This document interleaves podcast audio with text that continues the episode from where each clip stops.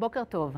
גם היום אנחנו כאן כדי להנגיש לכם כלים פרקטיים שיסייעו לכם לממש ולהאיץ טרנספורמציה דיגיטלית בתוך הארגונים שלכם. תהליכים של טרנספורמציה דיגיטלית הם לרוב מורכבים ומחייבים את הארגון לחולל שינוי מערכתי רב-מימדי, הן בתפיסה העסקית והן בתפיסה הטכנולוגית. אולם, בעידן הנוכחי, שקצב השינויים הוא מהיר, התפתחות הטכנולוגית היא אקספוננציאלית, הארגונים נדרשים להוביל תהליכים עמוקים ורחבים בקצבים מאוד מהירים. והשאלה, איך עושים את זה?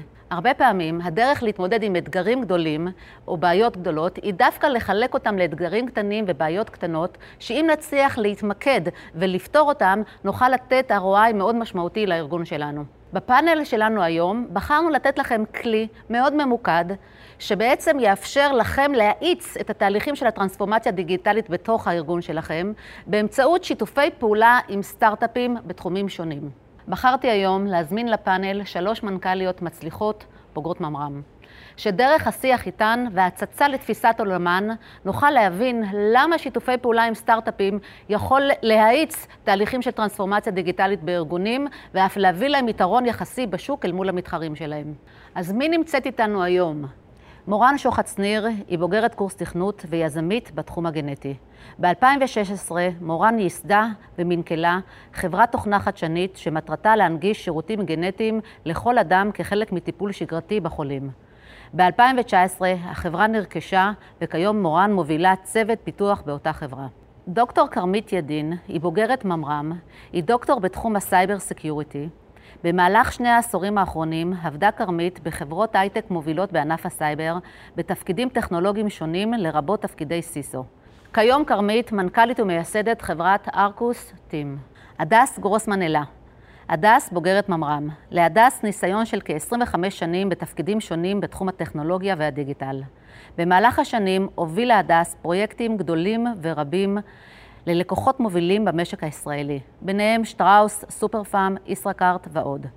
כיום הדס מייסדת ומנכ"לית חברת Mint, חברה מפתחת מוצרים טכנולוגיים לסקטור השיווקי ומהווה פורמט חדשני של שילוב טכנולוגיה בעולם השיווק והפרסום. שלוש נשים מצליחות, שלוש מנכ"ליות של סטארט-אפים ושלושתכן בוגרות ממר"ם.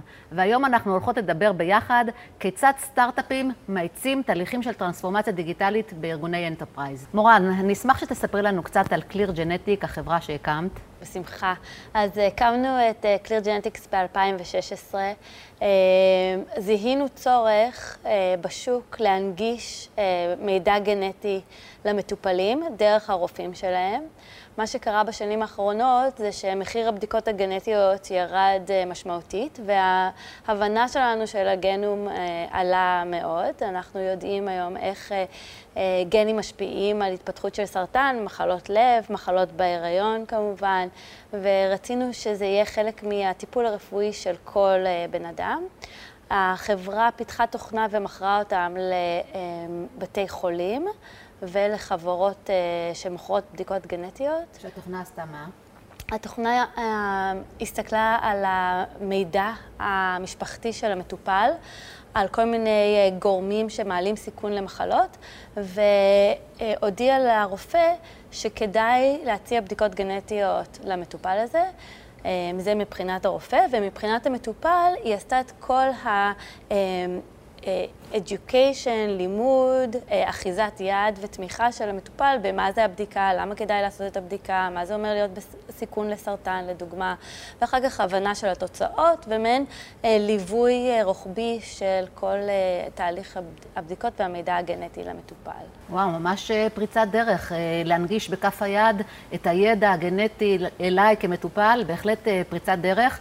מורן, התחום הגנטי הוא תחום מאוד מקצועי שדורש התמחות. התמחות וידע שלרוב נמצאים במכונים הגנטיים אה, בבתי חולים. אני אשמח שתסביר לנו איך דווקא יכולת כזו, שבעצם עושה דמוקרטיזציה של התחום הגנטי לפרט, התפתחה בחברת אה, סטארט-אפ, ודרך הסיפור שלכם הייתי רוצה לשמוע איך את רואה לתפיסתך את היכולת של סטארט-אפים להאיץ טרנספורמציה דיגיטלית בארגוני enterprise. כן, זה נכון, בתי החולים, אה, שם נמצאים כל היועצות הגנטיות והמומחים האקדמיים. אנחנו בחרנו להשתמש בהם בתור אסטרטגיית פיתוח ולעשות שיתוף פעולה איתם ולפתח ביחד איתם את המערכות. אני חושבת שהאסטרטגיה שלנו להצלחה הייתה להיות מפוקסת מאוד במה הצורך ומה הבעיה שאנחנו באים לפתור. דיברנו עם הרבה מאוד בתי חולים, ואתה רואה שבבתי חולים מנסים לפתור את הבעיה. זה נתן לנו המון ולידציה בתור סטארט-אפ לראות שמחלקה ב-Cleveland Clinic מנסה כאילו באמצעות אה, טופס דיגיטלי או אקסל לנהל את כל המידע הגנטי, או שבבית חולים אחר כאילו פיתחו איזושהי מערכת קטנה לפתור בעיה נקודתית. זה נתן לנו בתור חברה הבנה שבאמת יש כאן בעיה. ולהסתכל רוחבית בין הבתי חולים, איך אפשר לפתור את זה בצורה הכי טובה. כשאתה מסתכל על בית חולים ומשווה אותו לסטארט-אפ, ובמיוחד איך שאנחנו פעלנו, יש להם הרבה עדיפויות, הרבה תהליכים, הרבה רגולציה, ולעומת זאת אנחנו היינו כל הזמן בפוקוס על מה הבעיה. מה אנחנו רוצים לפתור, ומה יכול להיות אטרקטיבי במה שאנחנו עושים שירצה לגרום להם לעבוד איתנו. זאת אומרת, אה, אה, אתם התמקדתם בבעיה מסוימת, אבל אתם יכולתם להסתכל על מספר בתי חולים, ובגלל שהתמקדתם בבעיה הספציפית, גם הקצב שלכם היה מאוד מהיר ומאוד מאוד אה, ממוקד. נכון, אני חושבת שזה יתרון מאוד גדול שהיה לנו בתור סטארט-אפ, להבין שאנחנו כל הזמן יכולים לעשות איטרציות ולשפר את המוצר, לשפר את הפיץ', להבין את הבעיה עוד יותר, ולהיות כל הזמן בפוקוס על מה הבעיה ומה אנחנו רוצים לפתור. היה לנו גם אה, זכות לעבוד עם הרבה מאוד יועצות גנטיות, שזה שוק מאוד נשי, 95% נשים שם, mm-hmm. שרצו לשתף פעולה ולפתור את הבעיות שהם רוצים בלי אגו, רק לראות מה הפתרון הכי טוב לבעיה ולהטמיע אותה במערכת. כשאתה נמצא במערכת גדולה, אתה רוצה להבין מה הפתרון שלך ולהטמיע את הפתרון. ולעומת זאת, כשאתה אה, עושה איזשהו אה, disruption, אז אתה כל הזמן צריך לתקן את הפתרון שלך ולעשות אותו יותר טוב ויותר טוב ויותר טוב, בלי הצורך הזה של אישורים תמידיים בבית חולים ותקציבים ופרוצדורות. היי כרמית, אני אשמח שתספרי לנו על החברה שהקמת, ארקוסטים, ואיזה יכולות הגנה החברה מספקת לארגוני enterprise. Arcusteam מאפשרת ל-corporates להגן על עצמם מפני איומים של Connected Devices. אנחנו זיהינו שאחת הבעיות המשמעותיות של corporates בעולם ה-IoT היא העובדה שהם מכניסים הרבה מאוד Devices לרשת, וכל Device הוא בעצם Open Doors ל-Cyber Attacks, ואין להם בעצם כלים שמאפשרים להם להגן ספציפית על ה-Devices האלה. ארקוסטים מאפשרת שכבת הגנה חדשה כדי למנוע את אותם איומים, תוך כדי זיהוי מקדים של הבעיה, אה, זיהוי מדויק של הבעיה ופתרון מיטיגיישן עבור כל device שנמצא ברשת הארגונית. אז בעצם כשאנחנו מובילים תהליך של טרנספורמציה דיגיטלית, אנחנו מתמודדים עם שני אתגרים. מצד אחד אנחנו רוצים להוביל את החברה להתקדמות טכנולוגית, אבל ככל שאנחנו מתפתחים יותר בעולם הטכנולוגי, אנחנו צריכים גם לדאוג להגנה, גם ל-privacy וגם ל-security, והאתגר בעצם אה, גדול אה, שבעתיים. אני אשמח לשמוע איך לתפיסתך אה, סטארט-אפים בתחום הסייבר יכולים להאיץ תהליכים של טרנספורמציה דיגיטלית לארגוני enterprise. כדי שהדבר הזה יקרה, צריכים שני שחקנים. שחקן ראשון זה בעצם הסטארט-אפים. הסטארט-אפים בעצם אה, צריכים לבוא ולשבור פרדיגמה כדי לפתור בעיה שקיימת בשוק. אצלנו שבירת הפרדיגמה נעשתה באמצעות פיתוח טכנולוגיה שלא קיים היום ב-industry. שבעצם היכולת לזהות בצורה מדויקת ולחזות מראש התקפות על Connected Devices אה, לא קיימת היום בתעשייה, ובעצם באמצעות הטכנולוגיה שארקוסטים פיתחה אנחנו יכולים לעשות את זה. מה שמדהים בטכנולוגיה, שאנחנו יכולים לעשות את זה עבור Enterprise ללא צורך בהתקנה, ללא התקנה, ללא התקנה on-site, אה, זה agentless, ובאמצעות אין ריסק לקורפורט בעצם להשתמש בפתרון של ארקוסטים, ובגלל זה זה מאפשר לנו את, את ה-step הבא, שזה בעצם הסתערות על ה-market, בשלב השלישי לכבוש אותו. כדי שהדבר הזה יקרה, צריך את השחקן השני. השחקן השני הוא ה-enterprises. ה-enterprises חייבים להיות פתוחים ולקבל את אותן טכנולוגיות, אותם פתרונות ייחודיים שה, שהסטארט-אפים יודעים להציע. באמצעות שתי השחקנים האלה אנחנו, אנחנו רואים אה, התקדמות מאוד משמעותית בשוק, וככה עושים טרנספורמציה דיגיטלית. ולמה שהיכולת הזאת לא תפותח אה, בתוך הארגון עצמו? ה-value שה, שהסטארט-אפים מביאים היא, היא אה, התמודדות בצורה יוצאת דופן לבעיה אחת ספציפית. ל-enterprises, ל-Fortune 500, יש יכולות אדירות, אבל אין להם את היכולות ואת המהירות כדי, כדי לענות בצורה אה, מאוד מהירה ומאוד מדויקת על בעיה אחת. הסטארט-אפים מביאים את ה-innovation. ה-corporates מביאים את היכולות הטמעה ובעצם את ה-spread של ה-innovation בתעשייה. הדס, אני אשמח שתספרי לנו על חברת Mint ולהבין גם איך זה שקבוצת אה, חברות בתחום השיווק מחליטה להקים בתוך הקבוצה חברת אה, תוכנה. מה, מה, מה קרה? קודם כל, אה, Mint היא, היא, בשורה התחתונה, היא בית תוכנה, היא חברה טכנולוגית, שבאמת חלק מקבוצת Publicis, ו-Mint מספקת פתרונות טכנולוגיים מורכבים באוריינטציה שיווקית, כאלה שבעצם באים לתת מענה לדבר עם הצרכן הסופי, לתת, באים לתת לו אה, ערך מוסף. בעצם הסיבה להקים חברה טכנולוגית בתוך אה, קבוצה כזאת, שבאמת מתמחה בפתרונות בעולמות של שיווק ופרסום, זה שהעולם המסורתי של השיווק והפרסום, של להגיע ללב הצרכן, פשט את הרגל. הדרך האמיתית להגיע לצרכן ולגרום לו להעדיף את המותג המסוים, זה על ידי זה שאתה נותן לו ערך. הערך לא חייב להיות כסף, הוא לא חייב להיות איזשהו סוג של קשבק uh, מסוגים שונים, הוא יכול להיות שירות, חוויית שירות, uh, uh, העצמה, קיצור דרך uh, של, של תהליכים. ובעצם החיבור בין האסטרטגיה והשיווק לבין היכולת ליישם פתרונות טכנולוגיים מורכבים, מייצר איזשהו סוג של סינרגיה ש, ש, שאין כמותה. אז למה לדעתך ארגון enterprise, שלרוב יש לו גוף IT מאוד גדול, לא נעזר רק בשירותים המיתוגיים אה, של עולם השיווק והפרסום, אלא יפנה לחברת, כמו חברת Mint, כדי להאיץ תהליכים של טרנספורמציה דיגיטלית?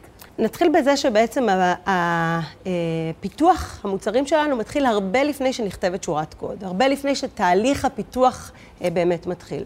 זה תמיד מתחיל בשלב, של ה, בשלב היזמות, באסטרטגיה המוצרית, בפיצוח המוצר, ב, ב, בתהליכי אה, מה שנקרא design thinking. המטרה היא בעצם לזהות אה, אה, בעיות או לזהות צרכים אמיתיים ולתת אה, פתרון אמיתי לצורך אמיתי של אנשים אמיתיים. בעצם אנחנו מחפשים את ההוקים, את המענה להתנהגויות מפצות שאנשים עושים בצורה כזו או אחרת היום, כדי לתת ערך אמיתי, כדי לייצר בידול, כדי לייצר העדפה. אה, כך זה מתחיל. עכשיו, מכאן ודרך בעצם כל המתודולוגיה של הפיתוח, שהיא אה, בשלב של הממשק והחוויה, UX, UI, כל, הש... כל ה... איך מבאים, איך מייצרים באמת את הפתרון החווייתי והנוח והטוב אה, לצרכן הסופי כדי שישתמש אה, במוצר, אה, דורשת, אמנם זו טכנולוגיה, גם, ה-IT, מחלקות ה-IT עושות טכנולוגיה, אבל טכנולוגיה זה פן אחר טכנולוגי. זה פן טכנולוגי שמתמקד ב-value ללקוח. זה פן טכנולוגי, הטכנולוגיה וה-best practice של הטכנולוגיה הוא סופר חשוב, אם זה בשיקולים של פרפורמנס ואבטחת מידע ועוד הרבה מאוד דברים אחרים, אבל, אבל הטכנולוגיה היא רק האמצעי. את יכולה להביא לנו דוגמה למשל? פלטפורמה שנקראת שטראוס פלוס.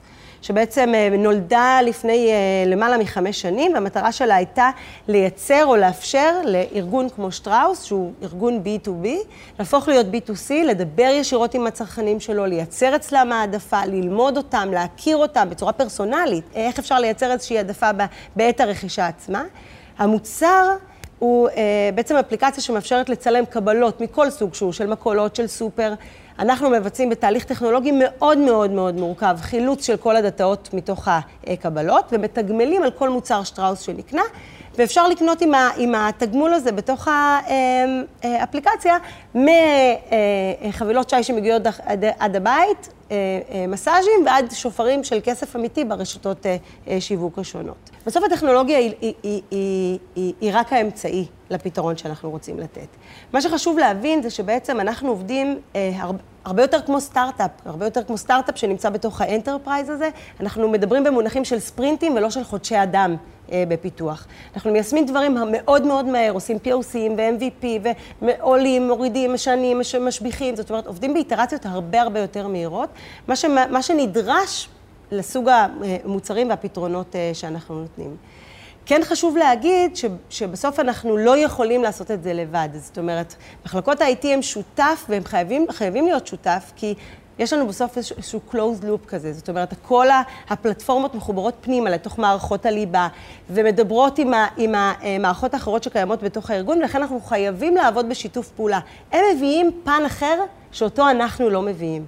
אבל החיבור שלנו ביחד, בעצם אנחנו מייצרים גם את הכי מהר, גם את הכי טוב וגם את העומד בסטנדרטים של, אה, אה, של הארגון. יפה מאוד. אז בעצם, אה, אם אנחנו אה, מסכמות את הערך אה, שסטארט-אפים יכולים להביא לחברות enterprise, קודם כל זה שבירה של פרדיגמות. זאת אומרת, אנחנו, בגלל שלא צמחנו באותו ארגון שנים, אנחנו פתאום חושבים בצורה שהיא צורה אחרת. הדבר השני זה היכולת של סטארט-אפים להתמקד בבעיה ולתת את כל המשאבים, גם המשאבים התקציביים וגם את האנושיים, כדי לפתור את הבעיה, תוך כדי זה שאנחנו מסתכלים על כל ה market. והדבר השלישי שהבאתם לידי ביטוי זה בעצם המתודות. המתודות שהן מתודות זריזות, אג'יליות, מהירות. ואולי הדבר הכי חשוב שעלה כאן בשיח עם שלושתכן, זה שאנחנו לא מדברים על לרכוש מוצר מחברה, אנחנו מדברים על שיתוף פעולה mm-hmm. שבה בין ה enterprise לבין הסטארט-אפ, כל אחד מביא את ה-added value שלו, ה enterprise מביאים את עולם התוכן, את הידע, אי אפשר להחליף אותו, את היכולות הטמעה, את ה scaling, וה- והסטארט-אפים מביאים את הטוויסט בעלילה.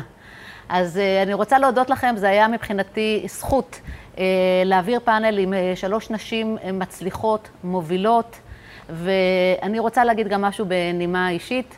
אנחנו נמצאים בתקופה של טרנספורמציה בכל ההיבטים.